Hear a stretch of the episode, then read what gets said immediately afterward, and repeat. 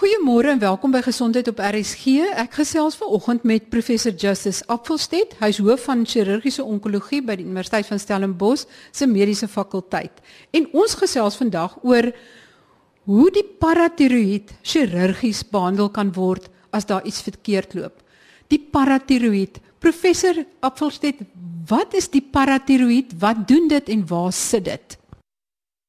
Die paratiroïde is vier klein kleertjies wat agter die skildklier sit. Hulle is elkeen omtrent 3 by 5 mm groot en hulle is betrokke by die uh, instandhouding van die kalsiummetabolisme in die liggaam, veral van kalsiumneerlegging in die beenstelsel en mobilisasie van kalsium daaruit. Dit is baie belangrik want omtrent 1 in 500 vroue en 1 in 2000 mans het 'n siekte wat ons noem primêre hiperparatiroidisme, wat dat een van daardie skildkleertjies of die byskildkleertjies op sy eie buite al die reguleringsmeganismes van die liggaam begin om uh, parathormoon af te skei en dit lei dan tot 'n uh, baie diffuse siektebeeld wat dat nie dikwels herken word nie. Pasiënte kla dikwels oor 'n bietjie maagpyn, 'n bietjie rugpyn, dan is hulle voel 'n bietjie af in die dag verder in uh moet hulle by die toilet toe gaan en hulle voel dors. Maar dit is alles nie baie duidelike simptome want wie van ons het nie uh een keer per week 'n bietjie rugpyn of 'n bietjie maagpyn? En so kom dit dat hierdie pasiënte dikwels vir jare lank nie gediagnoseer word. Jy kan hierdie siektebeeld redelik maklik herken deur 'n eenvoudige bloedtoets te doen as 'n siftingstoets, naamlik die kalsium in die bloed meet. As die kalsium dan verhoog is, dan doen jy verder toets op die bloed, naamlik parathormoon, fosfaat, kalsium, magnesium en nog 'n paar ander waardes in die bloed en dan het jy die diagnose van primêre hiperparatiroidisme. Hoekom sê ek dat dit uh, nie dikwels opgetel word? Ek het in die jare omtrent 2008 2009 het ek 'n vriend van my besoek in Frankryk wat dit ook endokrine chirurgie doen. Dis chirurgie van die uh, hormoonproduserende kliere en het 'n soortgelyke drainasie area soos ek. Hy werkte in die uh, noorde van Frankryk en toe ek daar by hom was het ons die skildklier nommer 117 tot 121 vir daardie jaar in Julie maand geopereer. Dus hy sien per jaar omtrent 240 250 nuwe gevalle van hierdie byskildklier siekte. Ons het 'n drainasie area by Tegeberg Hospitaal van omtrent uh, 3 miljoen inwoners en ons boorde eintlik minimum as ons effektief hierdie siekte optel, skat ek eweveel byskildklier siekte op te tel.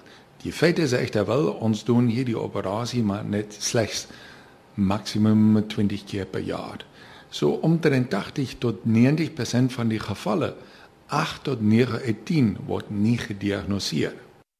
Ek wil net weer terugkom na die basiese funksie van die uh, paratiroïde. Presies watter hormone hulle af en presies hoe reguleer dit die kalsium in jou bloed? Dat dit op spesifieke vlakke is of hoe wat maak dit? Gaan jy nie digter bene of swakker bene kry as die hormone nie reg werk nie? Dit is heeltemal reg wat dat jy nou sê. Die byskildkliere produseer parathormoon. Paratiroïde parathormoon. Parathormoon voorsien aan die kalsiummetabolisme die volgende kritieke funksie.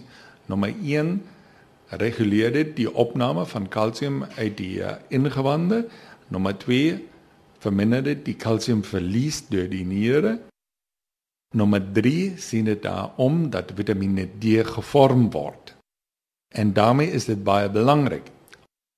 As jy te baie parathormoon het, word kalsium om die bloedvlakke hoog te hou uit die skelet onttrek en hiperparatiroidisme een van die komplikasies daarvan is verlies van beendigtheid uit die skelet met frakture van die skelet wat dat patologies is want hulle gebeur met minimale trauma dan is dit ook kalsiumstene in die neerkalke en in die uretes En wie ooit 'n keer uit die luisteraars en neusteen gehad het, weet hoe bloody seer dat dit is.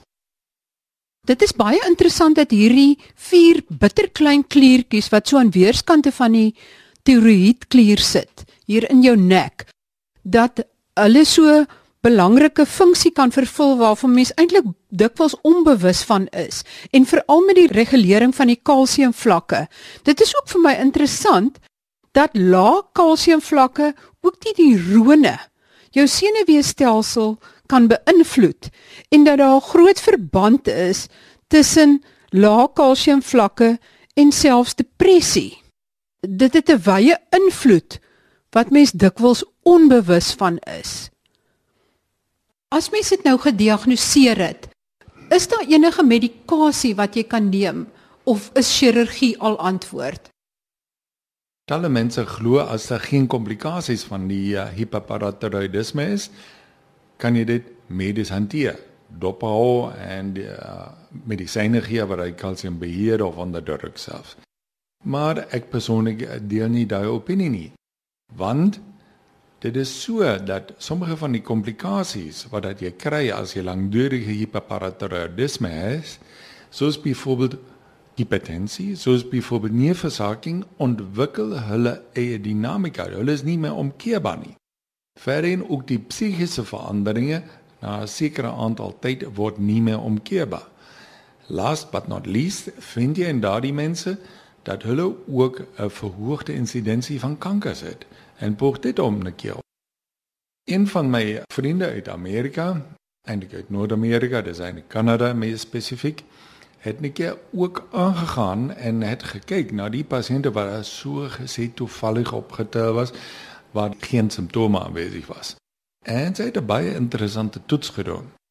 Sy het vir daardie mense 'n lys van omtrent 50 vrae gegee wat die algemene daaglikse welsyn betrek en het die pasiënt die vrae gevra en dit weggesluit dan het sy die uh hiperparathyroidisme geopereer en dan het sy 3 maande later dieselfde vraelys vir die pasiënte gegee om in te vul en dan het sy die skores uit die twee uh vraestelle vergelyk en meer dan 90% van die pasiënte alhoewel dat hulle asymptomaties was dus geen simptome gehad het so gesê het 'n verbetering van hulle welsyn ondervind. En ek dink dis dan uh, baie indrukwekkend. Want die chirurgie is eintlik redelik maklik doenbaar. En dit in vergelyking met jarelange mediese behandeling, uh plus dan moet jy jouself maar tog afvra wat is eintlik beter op jou einde. Korrigeer jy die siektebeeld ofwel probeer jy net om dit te hanteer? Hoe doen julle die chirurgie? Waar maak julle die snytjies? Is dit klein of groot snye? En hoe weet julle watter van die paratiroïde kliere is foutief of opereer julle op al vier? Tradisioneel het ons 'n taamlik groot insnyding in die nek gemaak omtrent 4 tot 6 cm en dan het ons die uh skilklier gedissekeer en dan agter die skilklier al die vier kliere bekyk. Dit is 'n bietjie baie ingewikkeld en ja, ons is baie suksesvol daarmee. Ons kan die siekte in omtrent 97 tot 99 uit 100 gevalle kan ons dit goed lokaliseer met chirurgie alleen. Maar die ontwikkeling van beeldingstoetse soos byvoorbeeld MIBI scanning, soos byvoorbeeld ultraklank van die nek, soos byvoorbeeld nou ook uh, spesifieke kontras rekenautomogram van die nek kan deesdae die siekte baie goed lokaliseer en vermits dan in omtrent 9 uit 10 van die gevalle slegs een van die beskilkliere uh, abnormaal is maak dit eintlik nie sin nie om die ander ook na te kyk as jy betroubaar weet dat hierdie een is die ene wat dat uh, die moeilikheid veroorsaak. So het ons nou ultraklank ontwikkel wat ons uh, preoperatief en tydens die operasie doen. En as ons daarmee die letsel kan lokaliseer, maak ons slegs 'n insnyding net bokant die letsel, want as ons die pasiënt in 'n sekere manier posisioneer, lê daar die beskiklier alhoewel dat hy agter die skildklier lê omtrent maar net 3 of 4 mm onderkant die vel. En dan maak ons 'n 2 cm insnyding verwyder daardeur die klier wat dit uh, abnormaal is en dan werk ons die wond weer toe. Pasiënt kan na huis toe gaan. Dis eintlik minimale chirurgie wat dan omtrent uh, 15 tot 20 minute vat. Dis eintlik 'n een eenvoudige en 'n onmiddellike behandeling en jy hoef nie dan jare verder daarmee te sukkel nie.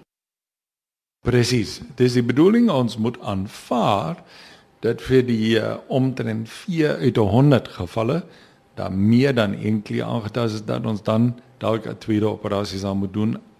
Maar vir 96 uit 100 pasiënte is dit die einde van hulle probleme. En dis daarom iets wat dat tog mense eintlik sal moet doen.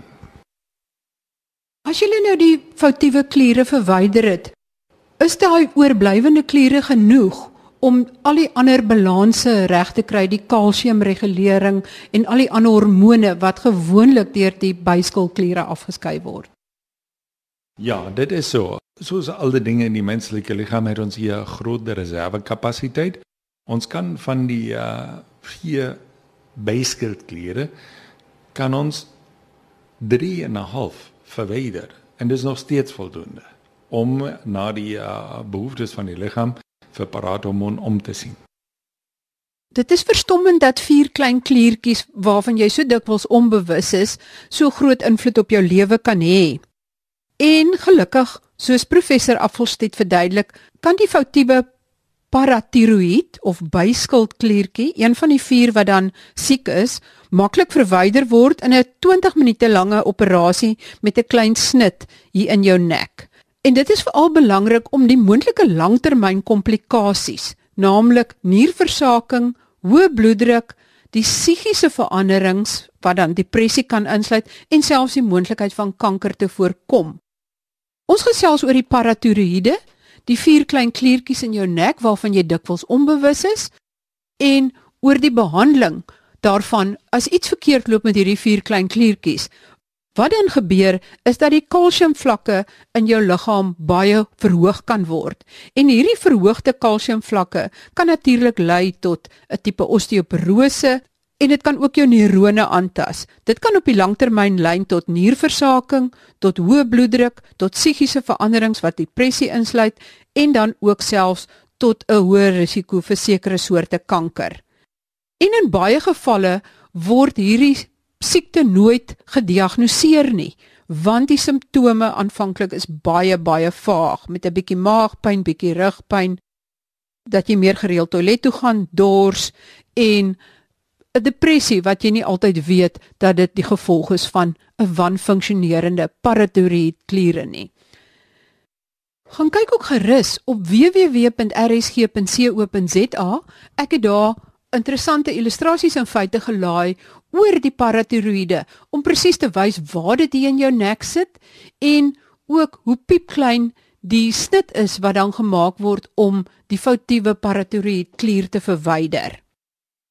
Ons gesels nou verder oor die paratiroïde en die behandeling daarvan. Professor Apfelstedt, hierdie metode wat jy nou gebruik wat ek baie klein snit is wat jy dit die paratiroïed verwyder. Is dit hoe dit ook nou in Europa en in ander westerse lande gedoen word? Ja, hierdie metode is ontwikkel deur uh, vriende van my van die internasionale vereniging van endokrine chirurge en dit is in die voornaamste sentrums OCS word dit nou gebruik. En uiteraard jy sal in die meer landelike sentrums waar dit nie uh, gespesialiseerde endokrine chirurgiese diens aanbied, uh, hy nog vind dat vierde klier eksplorasies gedoen word, 'n groot eksplorasie deur groot net in die nek. Maar soos gesê, die voornaamste eenheid het nou na hierdie nuwe metode beweeg. My span was Australië toe om dit aan te leer en ons het dit daar suksesvol aangeleer. Ons het daar reeds meer dan 20 van die gevalle hier geopereer en suksesvol geopereer. Jy het gesê baie gevalle word nie opgespoor of nie gediagnoseer nie. Wat sou jou boodskap wees aan mans en veral vroue wat nou luister? Na watter simptome moet hulle kyk en miskien meer aandag aan gee? Kyk, dit is uh eintlik redelik maklik optelbaar, redelik goedkoop. Dus as jy uh, jou welzijn nie goed is, dus jy het rugpyn hier en daar en jy mag pyn en so voort. Vra vir jou algemene praktisyn om net 'n simpel kalsium bloedtoets te doen. As die kalsiumvlak is normaal in die meerderheid van die pasiënte gaan dit normaal wees. Maar waar dat dit abnormaal is, sal mens verder moet gaan kyk. Dit is vir my baie tragies dat ons die meeste pasiënte pas sien as hulle jare lank simptome gehad het. En ek kan veral een geval spesifiek uh, herinner waar dat 'n jong man sy hele skelet het in mekaar gesak en hy het uh, omtrent 10 cm van liggaamslengte verloor voordat enigiemand 'n idee gehad het om kalsiumvlak te doen en het dan by ons uitgekom en na sy paratiroidektomie is hy dan genees. So sien ons talle van die gevalle waar die simptome vir jare lank aangaan en dis eintlik tragies. Want jy het 'n klein operasie wat jy kan doen om die welstand van die pasiënte te herstel.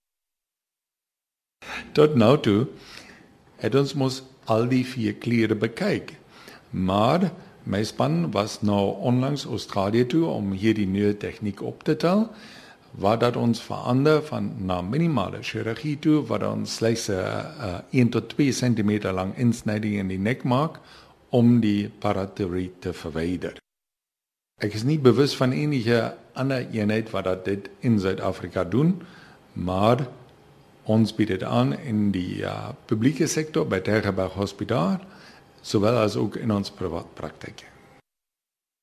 Die huistoeneem boodskap is dus daar is behandeling as daar iets fout is met een van jou paratiroïed kliere, een van daai vier klein kliertjies in jou nek. Dit is 'n eenvoudige minimale chirurgie wat 20 minute neem en wat die probleem kan oplos. En dit word nou hier in Kaapstad gedoen. Maar die heel belangrikste is eintlik om dit op te spoor en dit te diagnoseer. Let dus op die aanvanklike simptome al is dit baie vaag. Gedurende moegheid, rugpyn nou en dan, baie keer maagpyn, dat jy meer gereeld toilet toe gaan, dat jy baie dors word, moontlike graad van depressie. Vra dan jou dokter of dit nie dalk moontlik is om jou kalsiumvlakke in jou bloed te laat toets nie. Dit is nie 'n diertoets nie en as dit te laag is, daar is hulp.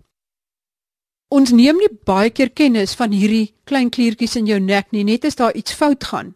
Want hierdie paratiroïde het alles te doen met die kalsiummetabolisme, Vitamiin D en ook ander funksies wat dit verrig.